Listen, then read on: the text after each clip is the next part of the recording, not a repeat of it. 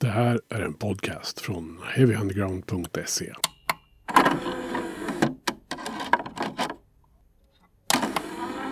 Heavy Undergrounds podcast lyssnar du på. Jag heter Magnus Tandegren och eh, det här är ett klassikeravsnitt. Så som det brukar vara en gång i månaden här på Heavy Undergrounds podcast. Och den här gången ska vi prata om en skiva som släpptes den 21 september 1993. Spelades in i februari samma år. Uh, och det är ju en uppföljare till en, ja, ett ord man kan använda är ju braksuccé. Ett annat genombrott. Uh, tredje, en skiva som förändrade typ allt. Så det här är uppföljaren till det. Uh, och till min hjälp har jag som vanligt Mischa Sedini. Välkommen. Hallå! ja, Nirvanas In Utro ska vi prata om. Jajamän. Mm. En är det här passar, man brukar säga så här, den svåra tredje skivan. Ja, men på något sätt så är det ju också för de allra flesta så är det ju Nirvanas andra skiva. Mm. Jag minns det för att jag, när jag, jag var så pass ung, jag var väl 12 när eh, i Nevermind kom. Och eh, jag tror inte ens jag lärde känna till Bleach före In Utero. Nej. Sådär, så att jag, för mig blev det nog nästan deras andra skiva, rent upplevelsemässigt. Jag tror det var så för många faktiskt. Mm. Ingen hade väl koll på Nirvanas historia innan, innan eh, Nevermind släpptes. Nej, och eftersom att de exploderade så otroligt hårt så hann ju inte skivbolagen riktigt med heller. Så att Bleach hann inte riktigt marknadsföras i Europa eh, innan In Utero. Mm. Oh, det, är lite, det är lite synd. Det är ju en bra skiva det med. Mm. Mm. Men eh, här i alla fall i Neutro. Eh, innan vi går in på den så det här är den klassiska frågan liksom, i, i den här podden när vi pratar om sånt här. Men hur upptäckte vi bandet från början? Alltså jag kommer ju ihåg det. Alltså jag minns ju inte exakt dag eller så eller tillfälle när jag upptäckte Nirvana. Men på något sätt där runt ja, när Nevermind släpptes så liksom började ju MTV spela, spela Smells Like Teen Spirit hela tiden. Mm. Och på något sätt var det som att hela, allt som var 80-talet och allt som fanns där innan, det bara så här, nu bra, kul, det ställer vi liksom ner i källaren här nu och så kör vi på det här istället. Det var liksom en sån här tvärvändning kan man väl säga i musikhistorien. Eh, ja. När den kom. Så att för mig var det liksom en sån här, bara så här överväldigande, ja nej men det är en ny dag nu, det är någonting annat som gäller. Mm. Och det, finns ju spa, alltså det finns ju så många intervjuer med gamla 80-tals hårdrockare som verkligen formligen hatar Nirvana. Mm. Just för att när de kom så dödade de hela deras scen. Helt plötsligt var allting som var coolt med 80-tals eh, hårsprays, eh, hårdrock. Det, var, det bara flög rätt utanför dörren. Mm. Tack vare Nirvana. Mm. Och du då? Mm. Jag, eh, ja men det, är, det, det här är så, så, många andra låtar, så det här är den här gamla klassiska nedslitna soffan på Skarpnäcks allé 45 ovanför Nathalies pizzeria, våning 3, eh, sittandes framför MTV. Det är liksom, jag är 100% säker. Men det jag tycker är så spännande just med Smells Like Teen Spirit, det, det blev ju en, det blev en monstersuccé och blev en av de här låtarna som spelades kanske liksom nonstop i tre år på, på MTV innan de lät den dö. Mm. Uh, men uh, det fascinerade mig så mycket att de kunde vara så otroligt alternativa och ändå bli en sån sanslös uh, hit. Och de blev, det var inte en one-hit wonder heller, utan jag tror de släppte väl fem, de mjölkade väl ur fem singlar ur Nevermind. Mm. Uh, och alla de har man ju trots allt liksom lyssnat på och älskat. Mm. Mm. Det är lite spännande det där. Alltså, nu pratar vi ju tidigt 90-tal, det är ju 91 liksom, som den ja. kommer. Uh, och vi har ju pratat många gånger om det här med 90-talet och klimatet för musiken och sådär. Mm. Men det är ju som du säger, fram till 90-91, 80-talet levde ju fortfarande, om man ska säga så. Eh, ja. Med vad som var hård musik eller alternativ musik. Eh, och ändå så blir det där, liksom, det var inte bara alternativscenen som förändrades, liksom, utan det var ju rockmusik generellt. Liksom, och populärmusik också för den delen. Det var sån enorm liksom, genomslag genom allting. Ja. Och det är sånt här som gör att de här 80-tals hårdrocksbanden tvingas, eller tvingas, men de blir väl också inspirerade. Lite som den här new metal-vågen. Mm. Många band som släpper in lite grungeigt sådär. Jag tänker främst på, oh, var det inte Anthrax som släppte någon Sounds of... White Noise, ja. Ja, mm. Sounds of White Noise.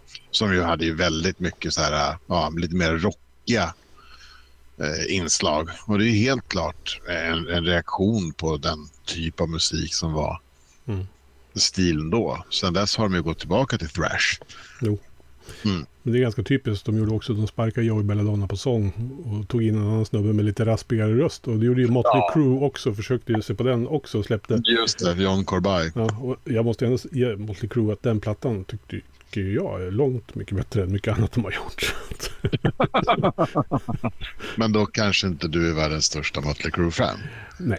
Nej. Nej. Nej. Men i alla fall. Eh, de förändrade i alla fall allt, Nirvana, när de, när de eh, väl slog igenom. Så kan man väl sammanfatta Verkligen. det hela. Och sparkade in en dörr för en uppsjö av andra band. Mm. Som aldrig hade fått se dagens ljus om inte det var för Nirvana. Nej, precis. Men det har vi diskuterat förr. Det var Nirvana och så kom ju Pearl Jam och sen så kom ju eh, även Soundgarden med Super Unknown den hösten. Och även om inte de var, blev lika populära och så var ju Alice in Chains där och sen kom ju soundtracket till singles och sen så kom ju singles-filmen. Så den, det, det, var en sån otroligt välgjuten eh, PR-succé mm. hela den tiden. Och alla får plötsligt upp, inte bara ögonen för själva musiken utan även för staden Grunge, eh, det Seattle. och, Bra felsägning där. Ja, det hör. och, och, och, och, det är väl där som hela det här liksom Uh, och om Nevermind då var själva uh, startskottet så skulle jag väl också säga att tragiskt nog så är ju In Utero själva dödsstöten. Mm. Mm. Så kan man ju säga. Och jag tror det här enorma genombrottet de fick, jag tror liksom, jag tror inte det var bra. Jag tror inte det är bra för något band, och speciellt inte ett band som Nirvana som egentligen bara tre snubbar som blir någon sorts garagepunk. Exakt. Eh, och de blev ju megastora och jag vet inte, de ville väl egentligen inte dit. Kanske så. Jag tror att det, var där var, det där var nog Cobains stora inre moraliska dilemma. Mm. Han ville ju livnära sig på det här. Men när han blev så pass stor så, så vill han inte ha den uppmärksamheten. Han ville definitivt inte ha större delen av fansen som han ansåg det var fel fans för honom. De förstod inte hans konstverk. Han tyckte inte om... De blev ju jättestora på college radio. Eller radio heter det på svenska. Mm. Uh, men han tyckte ju inte att de här college uh, studentfansen var hans publik. Så han hamnade väldigt snett ganska tidigt och lyckades aldrig stävja det där som att han hamnade i klorna på väldigt stora skivbolag. Mm. Ja, Nirvana då. När vi mm. kommer till 93 då har de ju då varit stora ett par år. Eh, mm. Och turnerat och liksom blivit de här ikonerna de är. Och det är dags att spela in en uppföljare. Men först lite grann tänker jag vilka de är då, Nirvana, vid den här tiden. Ja, vi har ju...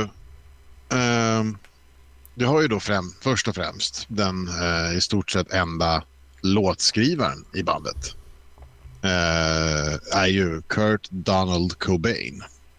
Född 67, eh, växte upp i Aberdeen som ligger 20 mil väster om eh, Seattle, en liten hamnstad.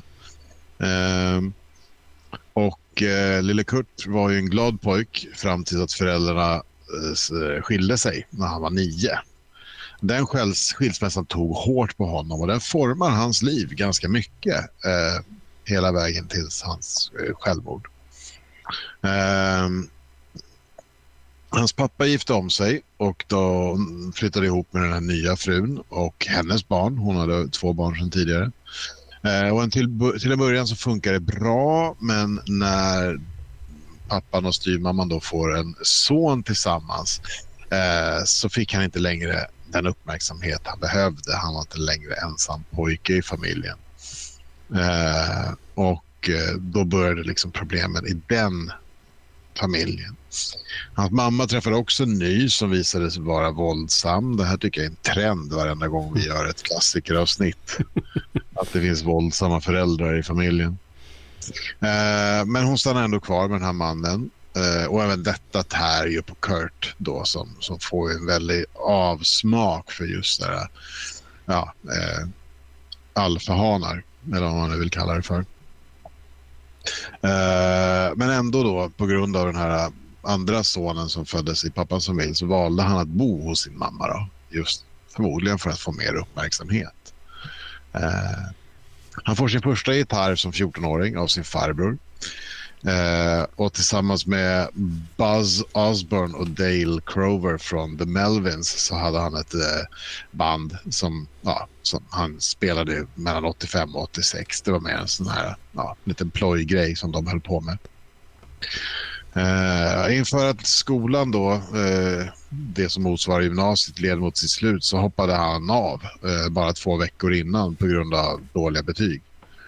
Eh, hans mamma gav honom då ett ultimatum att skaffa jobb eller flytta ut. Eh, varpå Cobain blir hemlös och sover ofta eh, hemma hos vänner och får lösa det på annat sätt. Eh, Kurt har själv sagt att han en tid bodde under en bro som gick över floden Wiska. Eh, men Chris Novoselic, då, hans basistkompis från Nirvana har sagt att han hängde där, men det går inte att bo där. Leran och tidvattnet gör det omöjligt.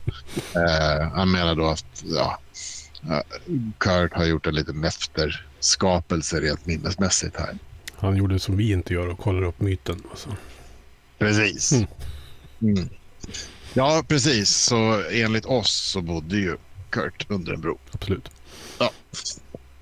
Uh, Kurt och Chris Novoselic då träffas redan i high school. Uh, men det var inte förrän båda började hänga i Melvins replokal som tanken på att spela ihop började rota sig. I alla fall för Kurt. Uh, han fick tjata i några månader innan Chris svarade ja.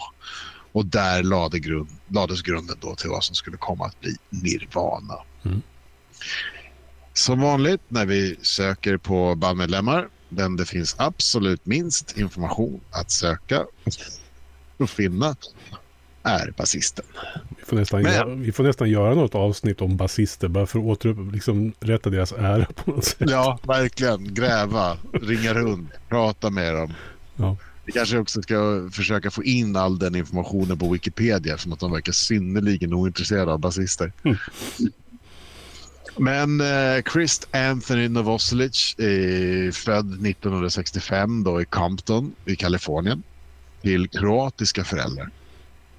Eh, familjen flyttar sedan vidare via eh, eh San Pedro eh, till Aberdeen. Eh, och detta gör man då på grund av skenande bostadspriser. Eh, till, det varit för dyrt att bo i Kalifornien och sen hittar man då billigt uppe i, i Aberdeen. Och där slår sig familjen ner.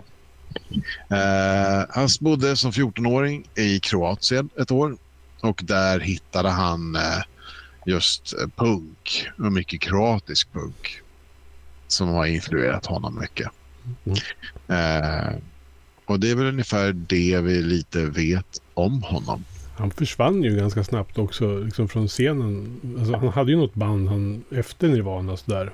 Ja. Men man har ju inte hört så mycket av honom överhuvudtaget. Nej, och han har ju inte riktigt haft heller något band som sen har blivit ja, eh, framgångsrika. Nej. Svårt att jämföra den framgången med trummisen som senare kom att starta kanske jordens just nu största arenarockband. Mm. Men, eh, men precis som du säger, han har inte haft något specifikt behov av att å, alltså, upprätthålla sin stjärnstatus som basist. Nej. Så att jag kan väl lite känna att han var väl också kanske den som var närmast sann hela Nirvanas eh, ja, bandbild av att man gör det som är kul. Ja, jag har för mig att han ägnar sig mycket åt politik sen också och lite aktivism och sådär. Ja, mm. precis. Uh, och det är väl från det senare som hans senaste band, jag kommer inte ihåg vad det heter, men det är ju med bland annat Matt Cameron från Soundgarden. Mm. Uh, som något band blev till lite grann. Mm. Ja. Det gick bättre för trummisen. Vad sa du? Det gick bättre för trummisen. Det gick bättre för trummisen. David Eric Grohl. Uh, som vi numera känner som den karismatiska frontmannen i Foo Fighters. Han föddes 1969 i Warren, Ohio. Och, eh, men familjen då flyttade rätt snart till Springfield, Virginia. Eh, vid sju års ålder så, hör och häpna, skildes föräldrarna och Dave bodde kvar hos sin mor. Eh, vid 12 års ålder började han lära sig spela gitarr och vid 13 så hängde han en sommar hos sin kusin i Evanston, Illinois. Hon lät bekanta honom och hans syster med eh, punk via Naked Raygun och ett, an ett, antal andra band i genren. Eh, eh, varpå Grohl blev hookad då. Hon tog ju med dem på konserter. Eh, väl hemma igen så började han spela med olika punkband och eh, bytte snart över till trummor som han fann ett mycket roligare instrument. Eh, efter high school så koncentrerade han sig på att spela trummor och fick 1987 då platsen som trummis i hardcorebandet Scream som han turnerade med flitigt då till, fram till och med 1990. Och då kommer vi in på historien bakom Nirvana. Jag vill ju gå igenom den eftersom att vi aldrig gick igenom Nirvana tidigare i vår serie. Mm. Eftersom att den inte fanns när det var när Nevermind firade 30. Eh,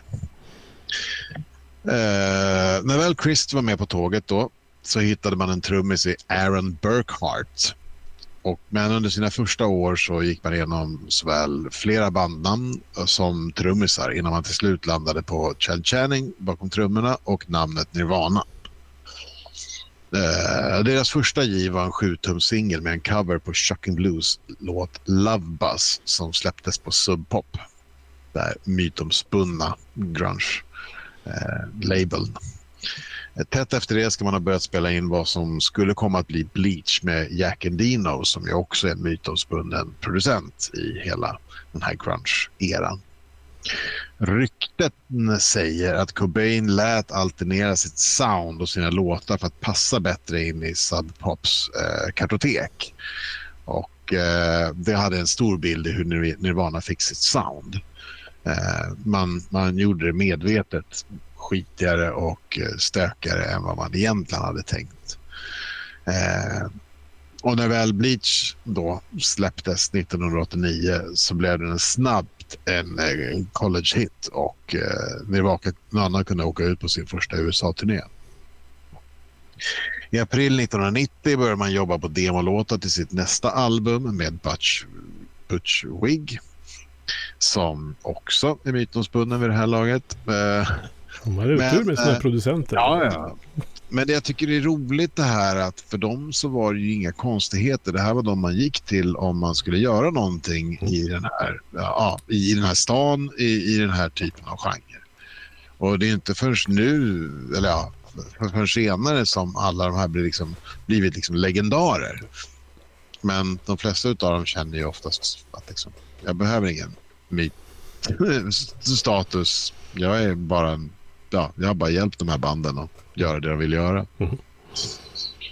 Uh, hur som helst, man går in och börjar spela in demo, men både Kurt och Chris var missnöjda med Chads trummande. Uh, tyckte inte han var liksom engagerad och Chad i sin tur var missnöjd över att han inte släpptes in då i låtskrivarprocessen. Uh, Channing valde då till slut att lämna bandet. Och i september samma år så introducerar Buzz Osborne eh, från The Melvins eh, Nirvana för Dave Grohl. Det ska sägas att Kurt och Buzz hade ju en vänskap som, som gjorde att Nirvana och, och, och, och, The Melvins var ju väldigt tajta. Och man hör ju det här kompiskapet väldigt tydligt tycker jag i Bleach. Mm. Bleach är fylld av väldigt mycket Melvins liknande riff. Mm. Eh, hur som helst, eh, Dave som var ett stort fan av Melvins hade blivit vän med Buzz under sin tid i Scream.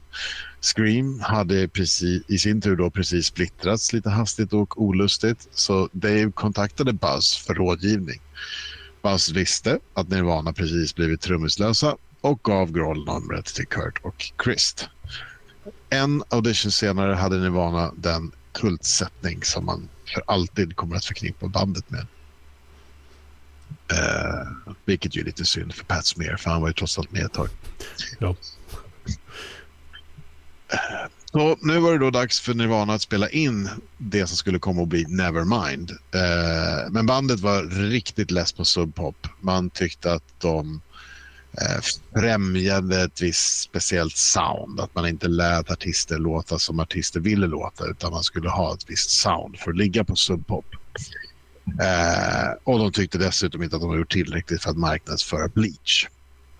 Eh, de kontaktade Silver, eh, Susan Silver, som vi också har nämnt i den här podden ett par gånger, eh, som hjälpte dem att komma i kontakt med en jurist och en agent som båda hjälpte dem att ragga en ny deal med ett större bolag som kunde köpa loss dem ur sin deal med Subhop. Och med hjälp av rekommendationer från Sonic Youths Kim Gordon då, så övertalade man, övertalades DGC Records att satsa på Nirvana. Och kontrakt skrev mellan parterna. Eh, bandet fick välja mellan en rad stora namn eh, när albumets producent skulle väljas men man valde att gå med Butch Vig som man tidigare spelat in demon med.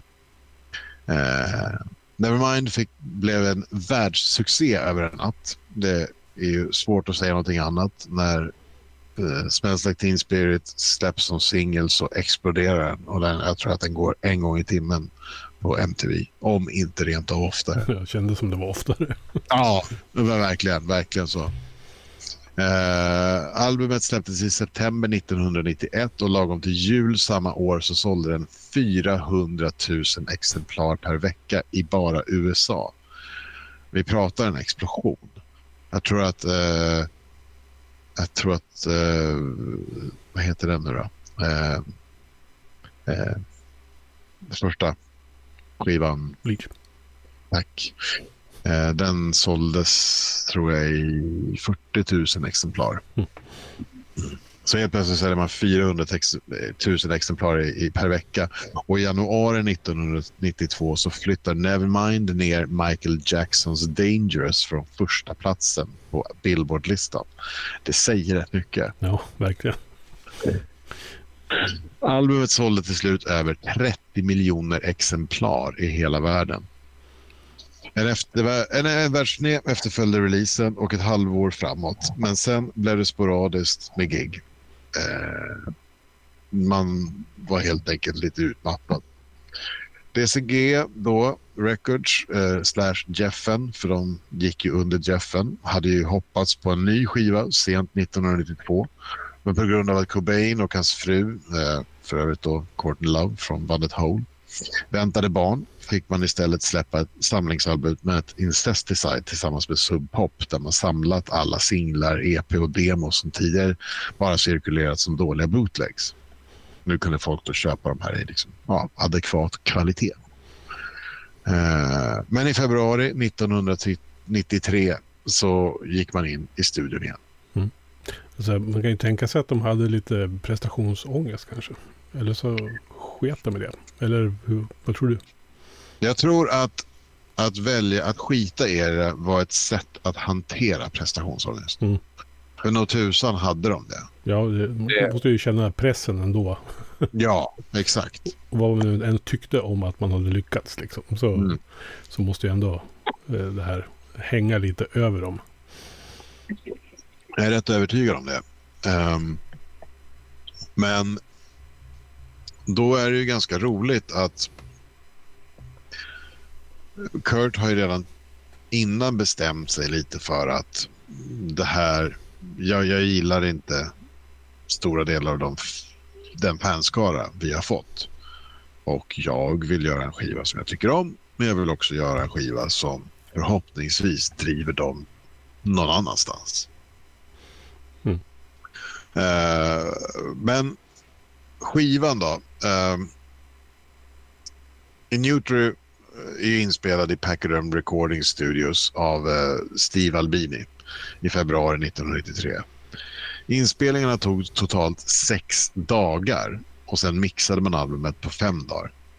Och eh, Nirvana hade aldrig mixat en platta så snabbt och Steve Albini hade aldrig lagt ner så lång tid på en mixning. Ofta spelade bandet in tillsammans för att få en livekänsla och så la man på sång efter det. Eventuellt då extra gitarrer, solon och övrig instrumentation. Då. Sången till skivan ska Kurt Cobain då ha lagt på sex timmar. Det här är ju någonting helt annat än Nevermind som ju drog ut på tiden och blev flera månader. Mm. Uh, anledningen till detta var först och främst att man inte ville ha, uh, ville ha en alltför polerad platta. Men också för att Nirvana och Albini ville jobba i fred utan inblandning av skivbolag och managers. Man gick lite under radarn för att bara snabbt spela in innan det ens han komma någon, ja, någon folk från bolagen och, och hälsa på i studion. Listigt. Mm. Eller som Albini själv sa, alla som på något sätt jobbade med Nirvana eller för Nirvana var de största skitstövlarna jag någonsin träffat. Albini, ja, så det, det sa ju ganska mycket om vart Nirvana hade hamnat. Mm. Eh, folk, det var inte Nirvana som hade valt, valt folket runt om dem. Så som det ofta blir när man blir ett stort band så liksom äts man upp av apparaten runt omkring. Ja, och jag tror att det finns ju band som, säger vi, tittar vi på Radiohead, de har ju sparkat ifrån sig allt sånt där. Men jag tror att Cobains Cobain hade nog en bra tanke bakom vad han ville. Men Cobain gillade också heroin. Vilket lätt gjorde att han kanske inte alltid fattade några beslut utan hamnade i beslut mm. som han sen var missnöjd med. Och så länge de körde fram pengarna så... Ja, exakt. Så var det ju inga problem. Nej. Nej. Albini han såg sig själv mer som en ljudtekniker än producent. Så har han alltid gjort med alla band han har spelat in. Och lät bandet eh, styra och ställa det mesta själva. Men om inspelningen nu var snabb och enkel så var mixningen och masteringen dess absoluta motsvarighet. Till en början så var alla nöjda med resultatet men väl hemma kände ju Cobain att eh, det kändes inte rätt. Han fick inte rätta känslan. Av, han, han kände ingen lust och vilja lyssna på skivan. Eh, bandet försökte fixa detta i masteringen tillsammans med Bob Ludwig. Men eh, det kändes ändå inte riktigt bra. Skivbolaget, de tyckte inte att skivan var lyssningsbar överhuvudtaget och ville helst att bandet skulle kassera hela inspelningen och spela in en ny skiva. Helst med nya låtar. Bandet bad Albini att mixa om, men han vägrade. Han menade att det skulle bli som att öppna Pandoras box och att man aldrig skulle komma till en punkt där alla inblandade var nöjda. Vi pratar alltså Albini själv, Nirvana och skivbolagen. Eh, han menade ju att det fanns inte en chans att Geffen skulle våga släppa den här skivan. Så att de kan lika gärna, ska de inte ha den som den är kan de lika gärna kasta den. Han lägger inte mer tid på, på att polera den. Nej. Ett tag så vägrade han till och med att lämna ut mastern till bandet eh, när de ville använda eh, Scott Litt och, och, och, mixa om den. Eh, Nirvana de ville mixa om skivan men Albini påminde att de lovat att inte alternera skivan utan hans inblandning. Det hela blev så infekterat att det blev en offentlig dispyt eh, där Nirvana, Albini och skivbolaget Jeffen vädrade sina åsikter i tidningsartiklar. Till slut eh, så fick låtar då som valts ut för singlar mixas om av den här Scott Litt i Bad Animals Studio i Seattle. Har vi också pratat om tidigare. Eh, och resten av skivan förblev orörd utöver att skivan mastrades om av, om jag inte minns helt rätt så Ja, nu kommer jag inte ihåg namnet bara för det. Nej. Men det är i alla fall han som spelade in, Andy Wallace, mm. som spelade in Sepulturas platta. Mm. Eh, till slut då, sju månader efter inspelning färdigställdes eh, ja, ja, sju månader efter att inspelningen färdigställts på sex dagar släpptes in Utero den 21 september 1993. Känns det som att det är liksom ett persongalleri här som liksom bäddade för den här konflikten på något sätt. Mm, mm. Jag menar, Steve Albini är ju inte känd för att vara världens mest diplomatiska herre och ha lätt att ha att göra med på det sättet. Nej, och han har ett genuint förakt mot allt etablissemang i skivbolagsbranschen. Mm. Så det kanske på ett sätt var det bra att de hade honom liksom, som försvarade Jag tror att det positiva är att, det positiva är att där Kurt Cobain själv ifrågasatte vad han hade gjort så var Albini den som sa att nej, nej, nej, nej. Du sa att det var det här vi skulle göra. Nu får du fan stå för det. Mm. Och eh, Cobain har ju i efterhand sagt att han är ju faktiskt nöjd med skivan. Han, han har ju sagt att jag ville göra en skiva jag kunde vara stolt över, någonting som jag själv hade velat lyssna på och det är det. Mm. Så att jag tror att, ja, jag, jag, tror att för Cobains del så var, så var Albini ståndaktighet bland det viktigaste inför releasen av denna skiva. Mm. Jag tänkte bara hänga kvar lite vid herr Albini. Han är ju ändå mm. en av 90-talets viktigaste producenter, kan man säga så? Ja. ja. Alltså vad, vad är det som... Vad skulle du säga är det som har gjort honom så viktig då? Om man ser till hans liksom hela mm, arbete. Och inte bara med Nirvana. Jag tror att det viktigaste med Albini är hans ställningstagande. Han har alltid varit väldigt högljudd om hur han tycker att en skivinspelning ska gå till, hur ett skivbolag ska fungera. Han hatar allt som har med marknadsföring att göra. Han tycker inte att en producent ska alternera och bestämma hur bandet ska göra sina låtar. Han är, han är en pu, purist. Uh, ut i fingerspetsarna och uh, en väldigt arg sådan. Han är ju känd för att ha liksom, starka åsikter mm. utåt. Liksom. Mm. Men han vill att artisten ska få göra sin del. Mm. Sen är han ju väldigt flitigt använd. Han är ju van vid, där Nirvana kom in och gjorde den här plattan på, på de hade ju sagt i förväg att på 14 dagar ska han vara klar. Uh, och det är så han jobbar. Och går man in och tittar på Albinis, uh, ja, på skivor han har producerat.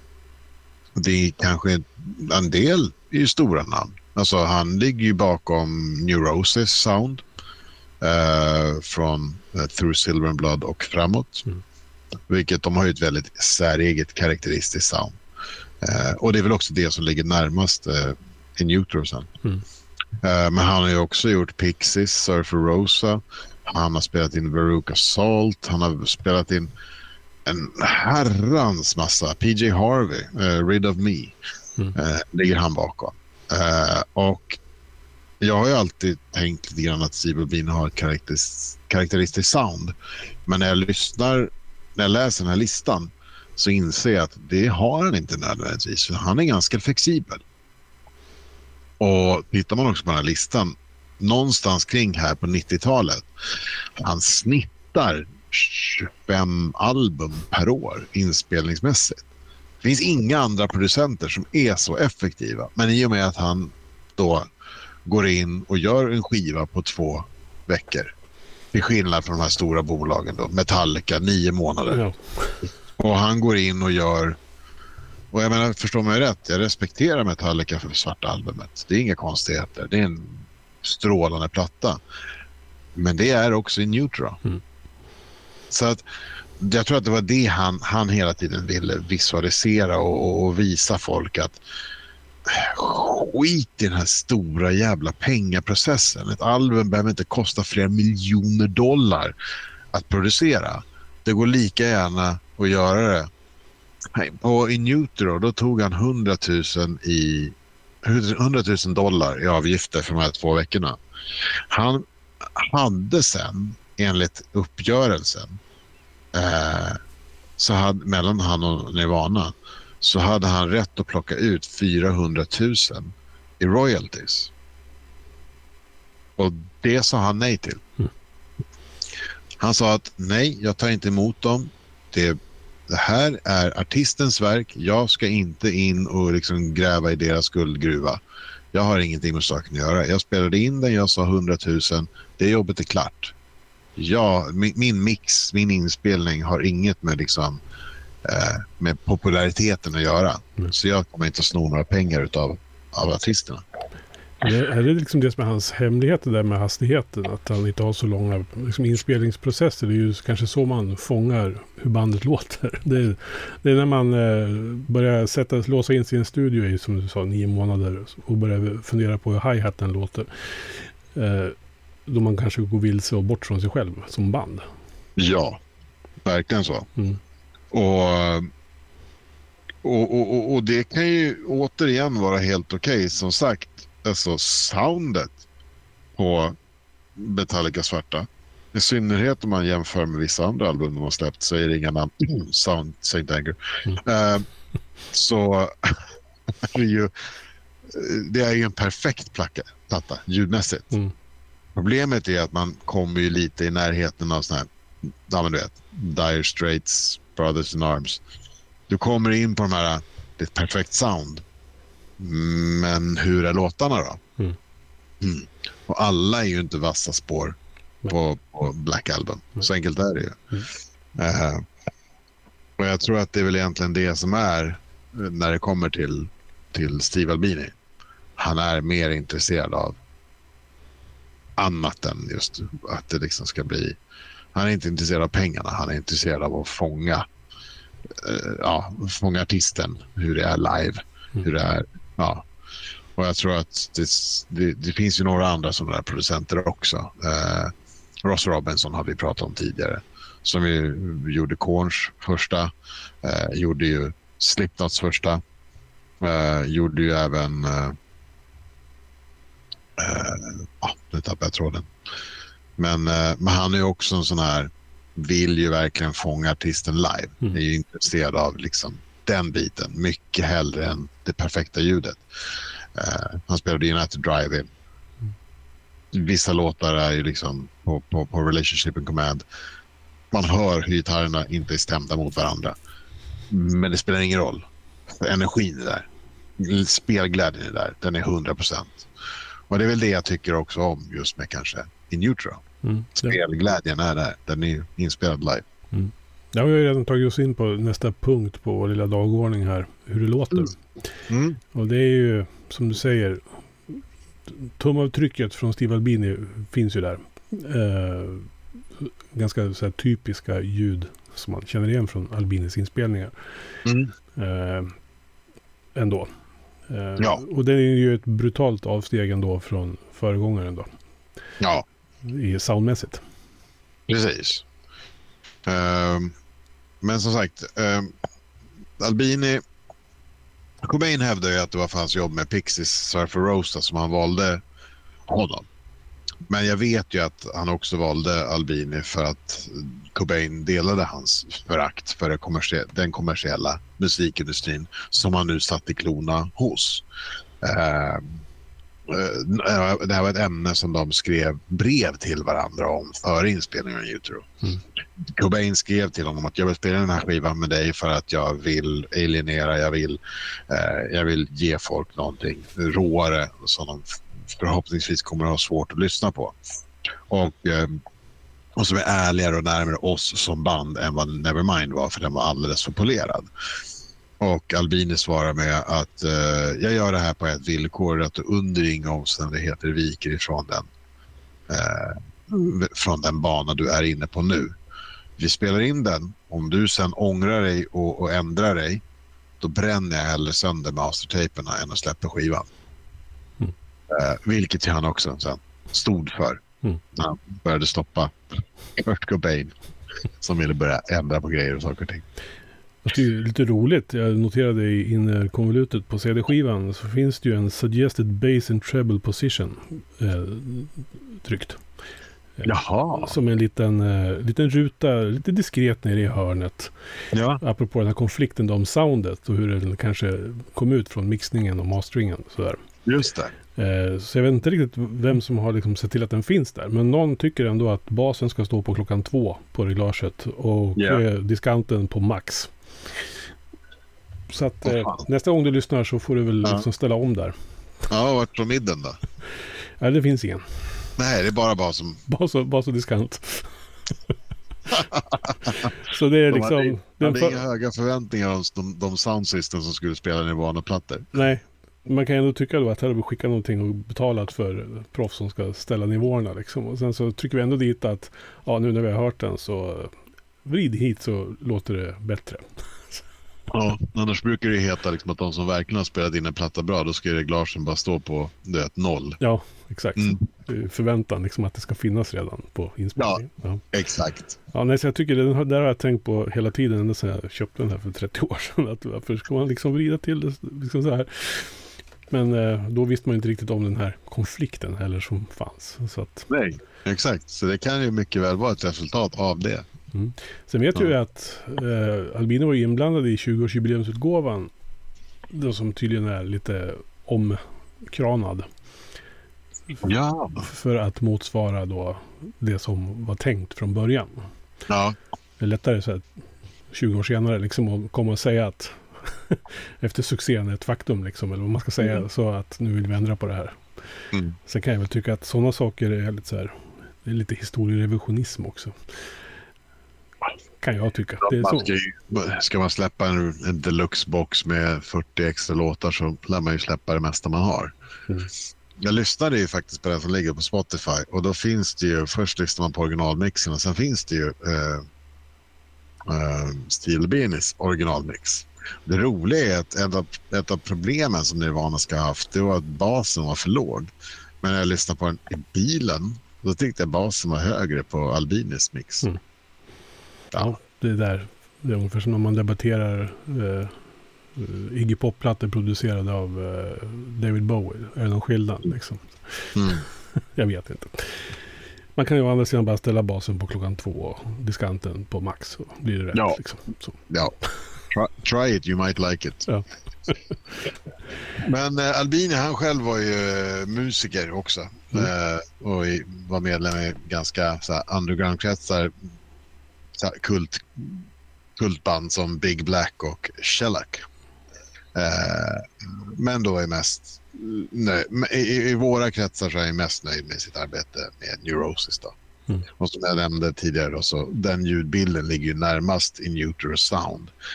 Det är rätt kallt och skitigt men samtidigt någonstans klart och separerat sound. Allting hörs tydligt men det är ganska kallt och ja, torrt. Mm. Uh, en tydlig karaktär är att uh, han med flit ofta spelar in uh, baskaggen på trummorna med ett fasfelsliknande ljud. Han ställer en mick nära och en mick lite längre bort. Och då träffar ljudet den bakre micken senare. Och det här bildar ett fasfel. Och det är hans sätt att få sitt ganska Eh, torra och platta kaggljud som ändå ja, kommer igenom hela ljudbilden. Mm. Uh, en annan ganska intressant grej med just själva eh, Neutro som skiljer sig från uh, som skiljer sig från både Bleach och Nevermind. Nevermind är att på In Utero så gör Cobain inga försök att blanda punken med poppen utan låter låtarna på skivan spreta mer än vad de då gjorde på Nevermind. Uh, på Nevermind finns ju Territorial Pissings som sticker ut som en punklåt och Something in the Way som sticker ut som en, en ja eventuellt, eller i och för sig också Polly då, mm. som sticker ut som lite lugnare låtar. Men de andra låtarna är ganska flatline i, i, i både ljudbild och liksom uppbyggnad. De, de sticker inte så jäkla mycket från varandra. Men eh, Inutero har ju liksom allt ifrån ja, har ju många skränlåtar och sen har ju Penny T och Dumb och eh, Rape Me och sådär liksom. Mm. Så, ja, den, den, hoppar mycket mer mellan låtarna. Mm. Mm. Ja, men eh, om vi ska reflektera lite kring skivan. Jag tycker öppningen på den här plattan är ju... alltså bara de två första meningarna i texten på Serve the Servant säger väl allting om vad man är ute efter på den här plattan. Uh, Teenage angst has paid off well now I'm bored and old. Mm. Uh, det är liksom redan där en programförklaring vad det här kommer att handla om. Och hela den här texten handlar ju egentligen om, om allt. Alla liksom så bilden av honom som har blivit fel på något sätt. Ja, och, och, och, och låten heter ju Serve the Servants. Mm. Och han menar väl på att någonstans där finns liksom en, eh, en, en väldigt skev eh, relation till ja, eh, att liksom, och det är väl liksom att han menar väl på lite grann att han är ett får som står och, och, och sjunger för få, andra får. Och ja, och sen så hela... Jag tror att också så är väl eh, i den texten så slutet på, på den refrängen är väl that legendary divorce is such a bore. Mm. Som också är en hänvisning om att han har varit ganska öppen i pressen om att liksom prata om ja, var han kommer ifrån. Han har ju pratat öppet om sina föräldrars skilsmässa och han är ganska less på att liksom både prata och höra om det. Ja, han skriver ja. också I try to have a father but instead I had a dad. Mm. Så, så. Ja. ja. I just want you to know that I don't hate you anymore. Mm. Ja. Så, ja, det är tydliga medskick till lyssnarna här om vad det här om, om det hela.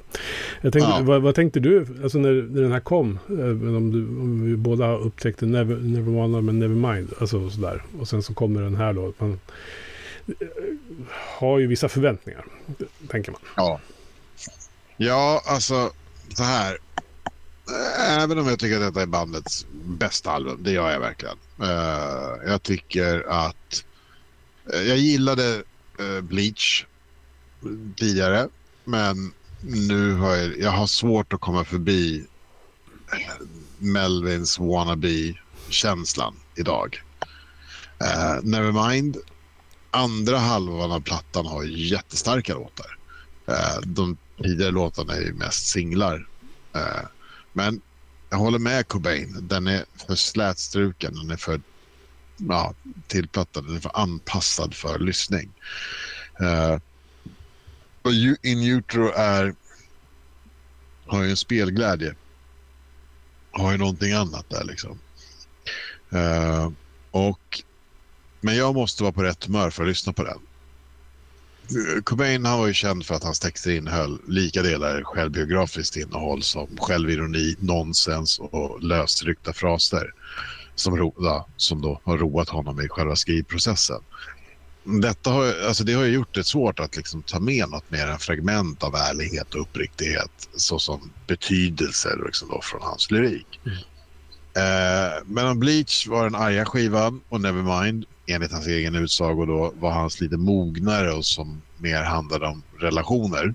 Eller en relation. Eh, hans uppbrott med flickvännen Toby Vale som ju var med i den här Girl Riot Movement. Då, liksom så var det tydligt med Newton att hans ångest och självhat ihop med heroinmissbruket allt mer konsumerade hans tid och tankar. Eh, och jag har inte den blekaste om hur lik jag och Kurt var. Jag tog ingen heroin i alla fall när jag var tonåring. Eh, eller kokain. Så... Eh, men men i hans lyrik så tilltalade det mig som tonåring eh, med min låga självkänsla och ständiga övertygelse om att jag hade ett utanförskap. Eh, och, dessutom en ständigt närvarande skilsmässobarns ångest. Eh, så, så jag identifierade med det. Mm. Och idag när jag uppenbarligen mår absolut mycket bättre och kommit så långt ifrån det där. Så jag tycker det är jobbigt att höra allt självdestruktivt som jag tidigare och inte identifierade med och tillät bli en röst i mitt huvud. För mig är det jobbigt för det påminner mig om att jag idoliserade det här eh, som gjorde att jag själv hade negativa tankar om mig själv. Det är jävligt ont att höra nu i vuxen ålder. Mm. Uh, men de dagar när jag lyssnar på, på In Utero och inte har mina egna känslor utanpå skinnet så älskar jag att höra lekfullheten i musiken och texterna. Just hur, hur tight de var live. För den här plattan är ju till större delen inspelad live. Mm. Uh, och hur tydligt man hör att hela skivan är tänkt att vara en nagel i ögat på de som bandet inte ansåg förstod deras konstnärskap. Uh, det ger varenda liten skränig ton på hela albumet en humor som förstärker dess punkmentalitet. Mm. Med, ja, jag vet inte hur många hundra procent. Mm. Jag tycker den... Och det är väl det som jag uppskattar med Nirvana. Att även om det finns en tragisk historia bakom den här. Att alla de här... Hela hans självmords... Eh, ja, alla hans självmordstankar, de lyser igenom i den här plattan. Men han har ändå lyckats trycka in den här klassiska Nirvana-humorn. Mm. Jag bara minns när den kom. Jag tänkte på alltså... Det var ju en helt annan känsla på den här skivan. Än mm. vad Nevermind hade. Och det där kan ju vara bra och dåligt tänker jag. Alltså jag kan, jag kan ju tänka mig att, eh, som jag själv, om vi tar Metallica igen. Alltså, mm. eh, när Load kom efter eh, mm. Den svarta skivan så var det ju på många sätt en helt annan platta. Eller en annan typ av rock liksom. Så, som de spelade. Eh, och det ju, går inte att komma ifrån att jag tror Load gjorde dem ännu större. Så, men, mm. Och många tyckte det var bra. Men eh, jag tyckte inte det. Eh, det är samma här lite grann. Den här, så liksom Nirvana, de går liksom in i något sorts mörker eh, på In Utero. Trots humorn och liksom mm. ironin som finns där. Så jag tycker hela känslan på skivan är ganska becksvart. Sådär. Ja. Eh, och det är som du säger. Det jag, hade, liksom, jag har ju inte lyssnat på den här lika många gånger som jag har lyssnat på Nevermind. Men det har nog att göra med att man måste välja sina tillfällen, som, precis som du säger. Att man det är inte en skiva man sätter på för lite och relaxa lite. Så, eller bli på gott humör. Eller, ja, man behöver lite pepp. Man behöver ett Smells Like Teen Spirit-peppet. Liksom, det här eh, riffet som man längtar efter. Ja. Det, det, är ju inte in utro. Nej, och in utro, jag känner att jag som 14-åring all, kom alldeles för nära. Jag hade på, på, på Nevermind, jag gillade ju cynismen och, och självironin i de här texterna. Uh, och de, de, är ju inte lika liksom brutala. De handlar ju om ångest, uh, absolut, och ett utanförskap. Mm. Det finns definitivt ingen liksom självmordsaura uh, över det hela. Det gör ju över In Utero. Mm. Och jag minns att när jag först lyssnade på hela skivan så, så jag tyckte det här, jag tyckte det var jobbigt för jag tyckte det sken igenom så tydligt. Um, och där, det här är nog mitt första möte, eller inte mitt första, men ett av mina tidiga möten med, med hela den här grejen att jag faktiskt läser och lyssnar på texter. För många av mina vänner gör inte det. Mm. Nej, och, eller gjorde inte det. Uh, utan de tyckte väl att musiken lät lite ball. Men jag tyckte det var så övertydligt att wow, han har gått från en platta där han ändå mådde hyfsat OK och kunde ha kul åt det till att bli alldeles för överironisk i, i sitt jättedåliga stadie. Mm.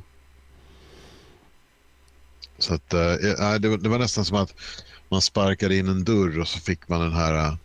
Det är lite som att kolla på Fear and Loathing i Las Vegas. Den är ju kul första timmen, men sen vänder det till en jävligt bisarr, mörk historia som bara ger en fullständig avsmak om man vill helst inte komma i närheten av droger överhuvudtaget, ens ånger.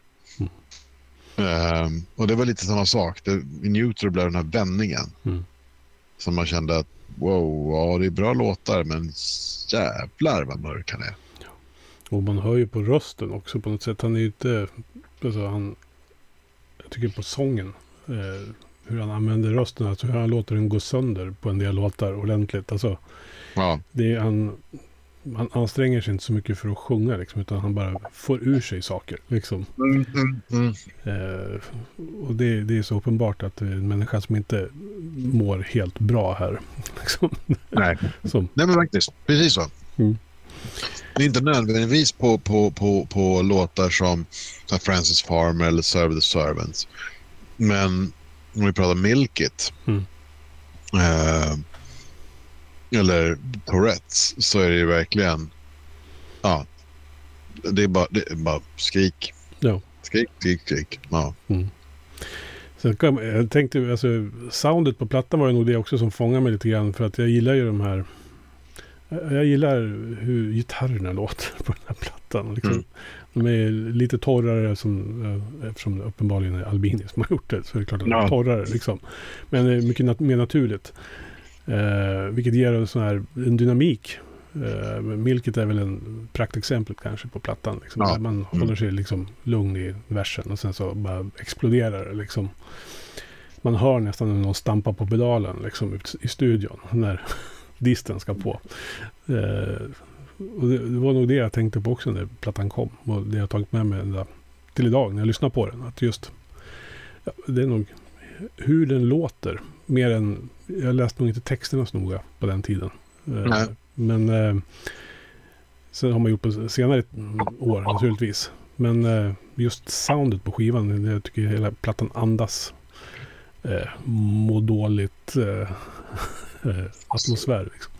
Ja, alltså det är ju kombinationen, det ska man ju komma ihåg. Alltså Albinis i ljudbild, den är ju kall. Den, det finns ingen värme i hans ljudbild överhuvudtaget.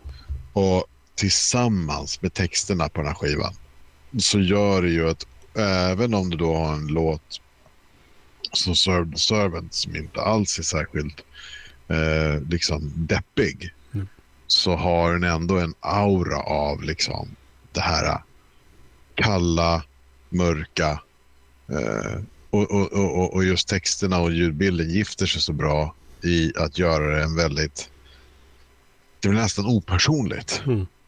Vilket, ja, när han lämnar ut så mycket. Det är en otrolig konflikt i det hela. Mm. Svårt att förklara, men jag, jag, tycker den här plattan gör sig så väldigt, väldigt bra. Mm. Och Jag tror att det mycket hänger på att de gick in och gjorde det här snabbt. För sen han Kurt ångra sig. Mm. Men då var dörren stängd mm. av Albini. Och låst från insidan. Ja. Så jag tror nästan att den, liksom, jag tror nästan att den blev för ärlig. Och det störde Cobain. Men det var så de fick släppa den. Mm. Det gillar jag. Har du något favoritspår då? Så här som, vilka, vilka låtar tycker du sticker ut? Men vet du, jag satt faktiskt så sent som igår och lyssnade på den här plattan eh, på väg till jobbet. Och jag har faktiskt en favoritlåt. Och jag tror att den har varit min hemliga favoritlåt redan sen gammalt. Uh, jag älskar Francis Farmer. Mm.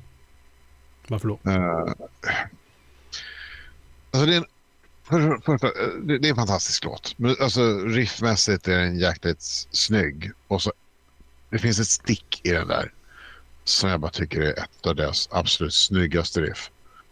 Uh, men jag fastnar alltid för uh, refrängen där Kurt Cobain sjunger, jag tror att det kan vara en av hans ärligaste textrader någonsin.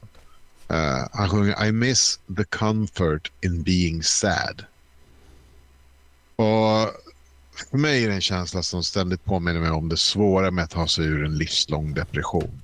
Jag tänker inte sticka under stol med att ja, mina första 27 levnadsår var eh, hyfsat miserabla. Liksom. Eh, och på så sätt då att, att, att släppa sorgen och således också sargen. Alltså sorg är en sarg. Det är ingenstans du vill vara. Men det är också en trygghet. När du har levt en depression tillräckligt länge så är sorgen, det är din plats. Du, ja, det är en, en plats du känner till och en plats du äger. Det är inte lycka. Och, och, och, och, och, och, ska man liksom ta sig ur det, då upplevs det inte bara som att man sviker sina egna ideal, eh, utan också att, liksom, att man, man, man, får inte den upprättelse man väntat på. Här har jag gått och varit deprimerad. Menar du att jag ska släppa det här utan att någon säger förlåt, utan att, någon, utan att alla ser mig i den smärta jag har haft?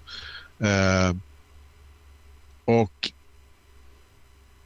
det känns också som att man måste liksom man måste lära sig att leva ett nytt hoppfullt liv efter flera år på botten av hopplöshet. Och det är en kontrast som är väldigt svår att hantera och acceptera. Eh, det, det tar lång tid att förstå att man själv är det största hindret i den processen.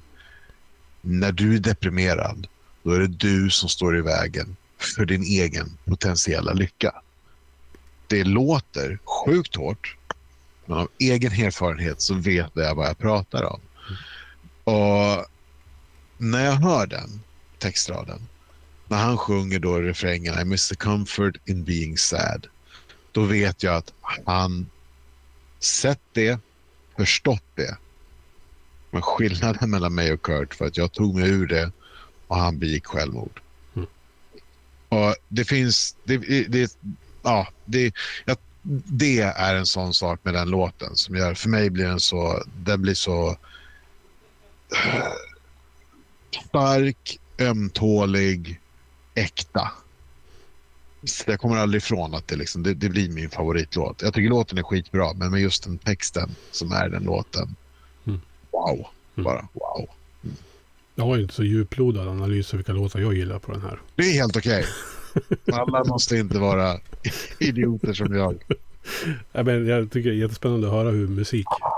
Jag fascineras ofta av det där att det är egentligen bara rockmusik vi pratar om. Men hur det ändå kan vara liksom så viktigt för, ja. för folk. Alltså, ja. Och det är det jag älskar med att prata om musik. Och om jag bara får tillägga innan du säger vilka dina favoritlåtar var. Någonting säger mig ändå att även om jag har svårt för Cobain.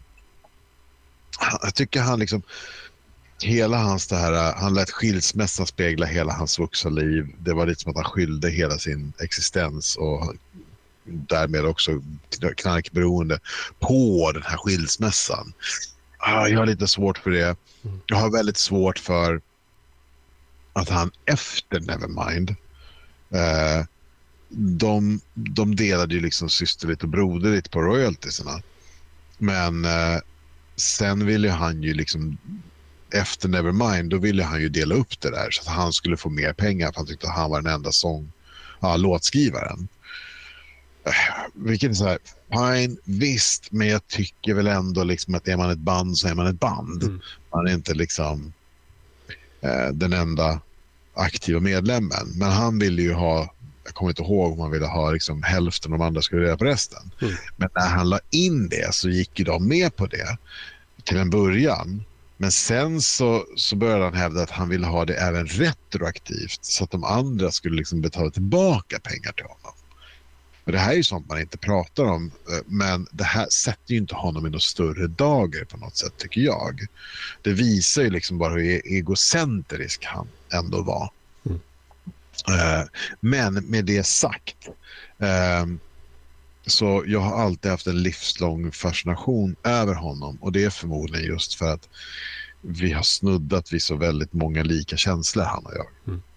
Uh, och så att hur jag än även om i de sämsta dagarna jag tycker att han bara är ett rövhål så är det fortfarande en artist som, som fascinerar mig och jag gärna läser med om för att liksom lära känna. Antagligen för att jag på något sätt försöker lära känna mig själv med. Mm. Ja. Men nu, vilka är dina favoritlåtar från den här skivan? ja, jag är ju lite svag för eh, liksom, både öppningsspåret, Serve the Servants. Eh, ja. Och Sentless Apprentice. Bara för att där någonstans låter det ju fortfarande det är klassisk Nirvana på något sätt. Fast eh, med råare ljudbild. Så det kan mm, jag uppskatta, mm. uppskatta låtarna för. Hard Shape Box samma sak. De försöker, alltså det låter Nirvana fast lite hårdare och råare. Liksom. Mm, mm. Sen så kan jag bara säga att låtar som Penroyal T och kanske till och med Rape Me. Alltså, det, ja. det, det, blir lite för mycket Nirvana. Alltså de försöker låta som Nirvana. Om du förstår vad jag menar. Det, det, det, det, är ju de två, eh, kanske inte Rape Me så mycket, men Penny Royalty är ju verkligen en, eh, en, en del av hans Bowie-komplex. Ja. Mm. precis. Så, de låtar jag har fastnat för mest, är ju de som låter mest oljud. Liksom. Mm. det kanske säger mer om mig än om något annat. Men jag, jag uppskattar dissonansen liksom i, i Tourettes och eh, vad heter den? Radio Friendly Unit Shifter. Alltså där man liksom, ja. de går nästan mot Sonic Youth-världen liksom ja. i, i, i, i gitarrerna liksom. Det, det är sockersöta små refränger och sen så brakar det lös i någon sorts distorsions liksom apokalyps emellan där. Ja. Uh, och, och det... kul, kul just nu är att varken du eller jag har nämnt att vi båda i vårt gemensamma lilla manus här, eh, stödordsmanus, ingen av oss har nämnt, Milket. Nej. Men den är ju faktiskt en av de absolut bästa låtarna. Ja, ja. ja. Och det är ju, som jag var inne på tidigare, det är den här dynamiken i den med bara trummorna liksom och lite plink. Så här. Exakt. I versen. Jättetunga, stora trummor mm. som också ganska, ligger ganska offbeat. Mm. Uh, ligger inte... Det roliga med det hela, om man lyssnar jättenoga, så är det att uh, både vers och refräng har ju samma riff. Mm. De ligger på två olika dynamiknivåer. Mm. Men när det är refräng, då ligger trummorna med riffet. Uh, och när det är vers, då ligger det på en jättekonstig offbeat rytm som jag har med fan aldrig lyckats få in i huvudet hur den ska gå. Nej, och det är en ganska stark rumskänsla kan jag tycka. På ja. Alltså man hör liksom nästan som trumsetet liksom som mekanisk maskin. Liksom, så mm. och liksom, det är ju inte till snyggt, snyggat på något sätt. Utan, eh, och sen just det där man, man stampar på diskpedalen, liksom där riffet ska upp liksom. Ja. ja det är svintungt. Mycket, mycket ballt. Men eh, ja, vi alla vet ju egentligen vad som hände sen. Men liksom vad den här skivan innebar för bandet. Alltså, var den, en, var, var den en, liksom en... Eh, var den en succé eller var den en besvikelse skulle du säga när den släpptes?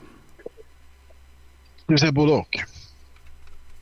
Eh, alltså, redan när Nevermind släpptes 1991 så var ju bandet missnöjda med skivans välpolerade sound. Eh, och när man efteråt turnerade på det materialet i två år så var Cobain då som bandets enda låtskrivare inne på ett skifte i soundet. Man ville komma ifrån det där. Eh, Nirvanas snabbt stigande popularitet hade ju tärt hårt på Kurt som inte ville veta något men han, han ville ju inte vara ett språkrör för en generation, vilket han blev anklagad för att vara. Eh, många av de fans som, da, som, som de dagligen spelade för var en del av den kultur Kurt föraktade och aktivt var emot. Det var ju mycket så college fraternity boys och, och, och han hatade hela den grejen.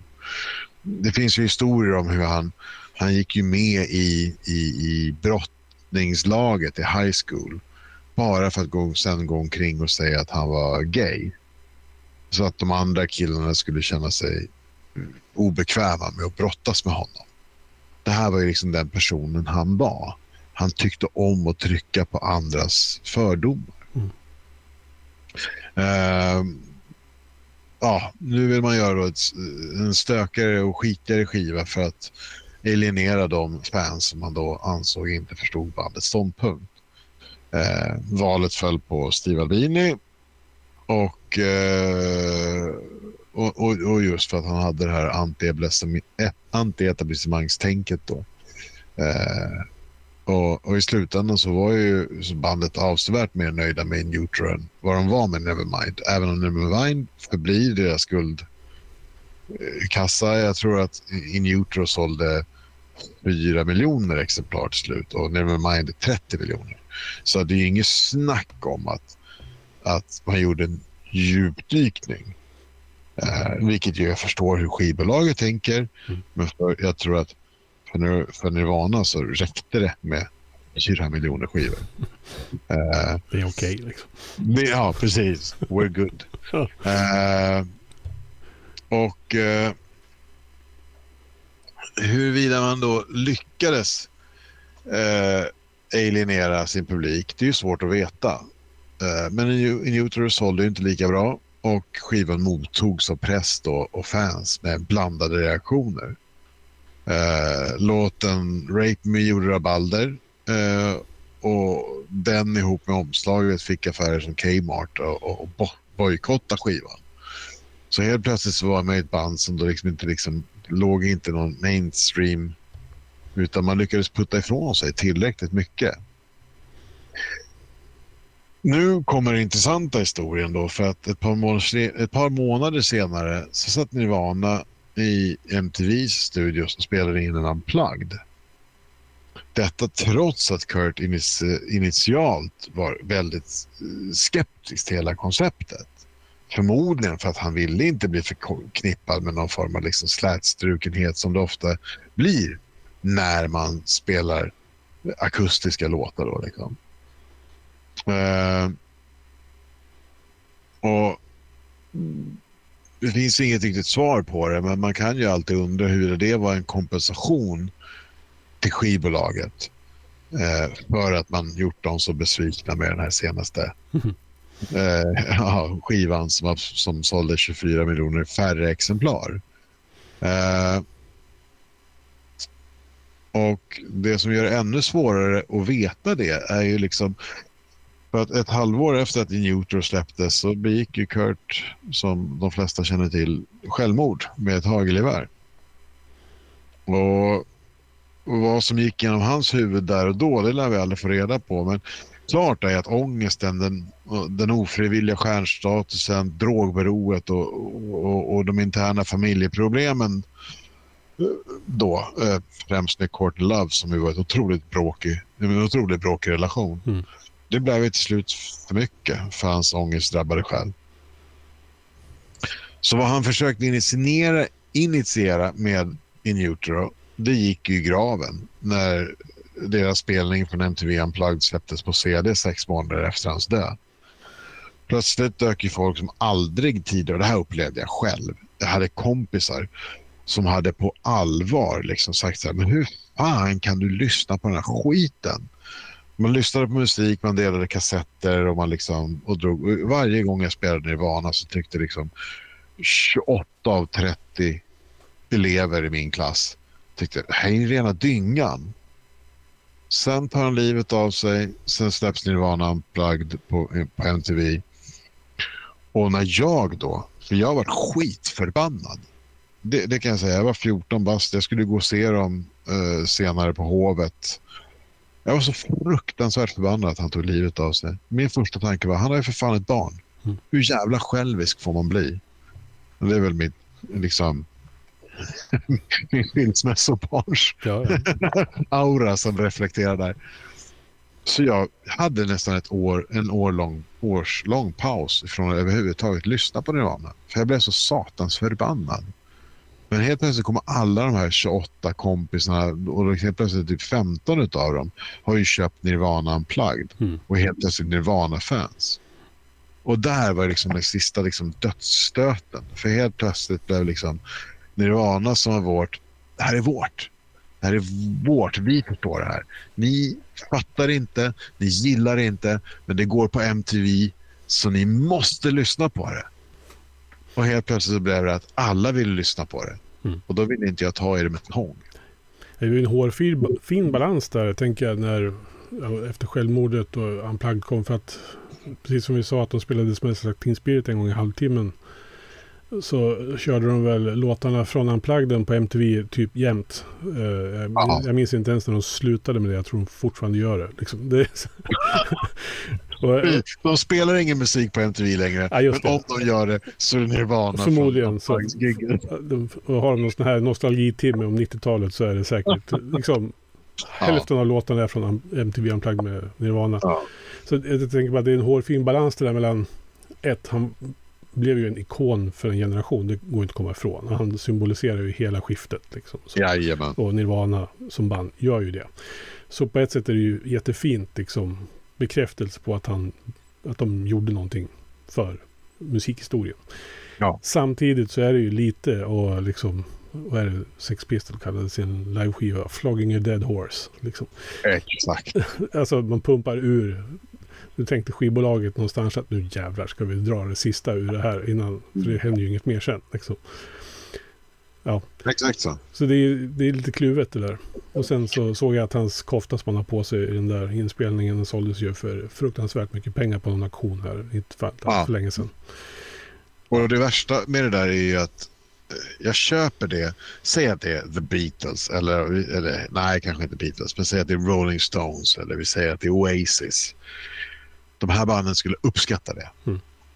När Cobains kofta säljer för miljoner så har man ju liksom, då bevisar ju de som är inblandade i försäljning och uppköp att de har ingen aning om hela grundtanken bakom köpa liksom Kurt Cobains Stratocaster för 4 miljoner. Mm. De fattar ju inte. Nej. Han, hade kunnat tagit, han var ju den här typen av kille som han kunde tagit vilken gitarr som helst ställts på scen. Han slog ju sönder dem titt som tätt. Han hade inte en och samma. Nej. Han hade inte ett sound. Han bara gick upp, tog en starkare och kopplade in en gitarr och sen så stämde han den i standard E och sen körde de. Mm. Han höll inte på och bytte gitarrer och tramsade sig. Han, han, det var inte det typen av band. Nej. Och de som fortfarande håller på liksom att hylla dem som världens största band för att de fortfarande gillar den här uh, Where did you sleep last night-covern. De har, inte- de har inte förstått Nirvana. Nej, och det är också ironin. Hitsen var väl typ den och eh, The Man Who Sold the World. Ja, Som precis. kördes hela tiden. De är båda är två jävla covers. Ja, menar det. De gillar inte ens Nirvana, de gillar uppenbarligen, ja, vem nu var. David, någon- David Bowie liksom. David Bowie och någon blues-snubbe liksom. Ja. Så att, nej, det, det, det, det tog bort det ganska mycket för mig måste jag säga. Det, men, det är som, som sagt, eh, efter In Utero, så det här var ju liksom en one-off. Sen så någonstans så skulle de ju trots allt spela in en ny, om han överlevt sig själv, så hade de ju spelat in en ny platta. Och det är där jag tycker det är så synd att vi aldrig riktigt får reda på, hade de hållit sig sanna till vad de påbörjade med In Utero? Eller hade de ja, fallit för skivbolagen? Mm. Jag vet ju att, vi tittar på Pearl Jam till exempel. De gjorde ju 10. Sen gick de ifrån den lite grann med Versus. Sen gick de ifrån den ganska mycket med eh, Vitology. Mm. Och sen för att verkligen, och det här är- det har de ju sagt själva, för att verkligen försöka liksom få bort allt det sista ur liksom pennanhängarna så gjorde de ju No Code. Som ju liksom är... Jag vet inte ens vad det är. Nej. Det är inte ens bra. Men efter det så kom de ju tillbaka med, med andra plattor. Mm. Eh, däribland Yield. Men då hade de ju lyckats få bort tillräckligt många av de där fansen som de faktiskt inte ville ha. De, och det är så genuint, för de vet så här, de förstår hur stora de är, Pearl Jam. Och sen så får de då, så släpper de de här skivorna bara för att de vet att de känner det så innerligt i sig att vi vet att de sanna fansen kommer att stanna kvar. Vi vet vilka vi tycker är våra sanna fans och vi vet vilka vi vill skriva musik för. Mm. Och så gör de det. Mm. Och idag är de fortfarande, om de åker ut, de kan fylla vilken stadion de vill. Men sen behöver de inte turnera på ytterligare åtta år. Och sen så kommer de tillbaka och ser ut som att ingenting har hänt. Och det är otroligt få band som har lyckats med det. Mm. Frågan är, hade Kurt hållit ut ett tag till? Jag tror att det är ganska möjligt att de hade kunnat haft den typen av fanskara. ja, jag vet inte. Jag är osäker på om Nirvana hade överlevt. Även om Kurt hade gjort det. Men eh, det skulle ju varit spännande att få veta vad en 55-årig Kurt Cobain skulle göra för typ av musik idag.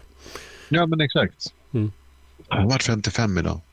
Jag vet inte om han skulle ha blivit det. Men eh, jag, Jag säger det. jag spekulerar liksom bara i Ja. den, den åldrande Kurt Cobain. Eh, vad, vad som hade hänt liksom. Ja. Vad han hade gjort. Eh, Jo, men det är nog sant. 69, då är jag 54 har varit i år. ja. Mm. Ja, du ser. Sånt vi aldrig får veta, Mischa.